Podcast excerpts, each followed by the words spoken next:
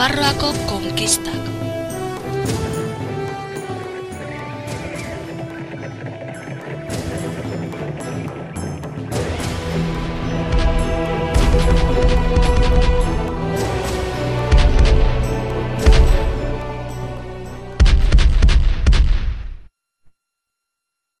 Esaidazu entzuleo, zer datorkizue burura urrengo izena entzutean?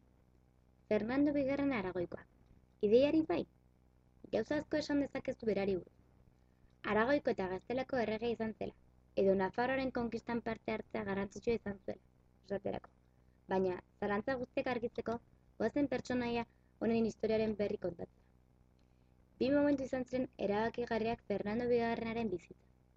Alde batetik Aragoiko koroak jarautsi zuenean, bere arebaren eriotzaren ostean.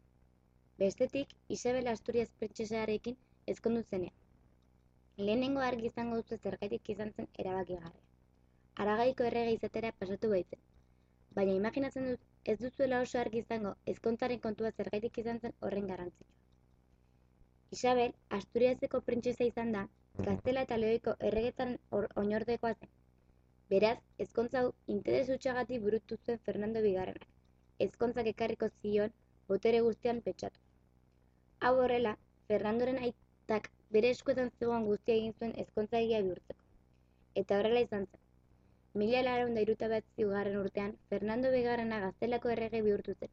Bere emaztea zen Isabelekin batera erreinatu. Boterea lortu eta gero, lehenengo norek hartu zituen errege gisa. Gaztelako inkizizioa sortu zuten, Aragoiko instituzioen kontsul, kontsulatuak eta gremioak sartu zituen gaztela. Garapen ekonomikoa hobetzeko neurriak hartu zituzten eta bar. Baina Fernando Bigarrenak hori baino gehiago nahi zuen. Orain arte zuen boterea are gehiago edatzea zuen burua. Hori lortzeko asmotan, Nafarroako gerrate zibilean parte hartzen izan zuen. Helburu jakin bat zuen, Nafarroa Aragoiko koraren parte izatera pasatzea. Eta horrela gertatu zen mila bosten da amabian. Nafarroaren konkista modu irekian aldarrikatu zuen. Bi urte baino ez, ez zituzten behar izan gaztelako gorteak Nafarroako erreinua gaztelako koroaren parte izatera pasatzeko. Horrela esanik, gauza oso erreza egin zituela pentsatu balitek ere, Nafarroak erresistentzia gogorra erakutsi zuela argi utzi behar. Mila bosten da amazegarren urtean izan Fernando Bigarna Madrigalejon, alaba eta bilobari jabetza guztiak utziz. Bitxikeria moduan, jakinea duzu izan, nola izan zen bere eriotza? Ona hemen. Eriotzaren zergaitia, kantadira orduko afrodiesoko neurrigabea erabiltzea izan zen. Dirudienez, seme bat izateko asmak zituen erreia.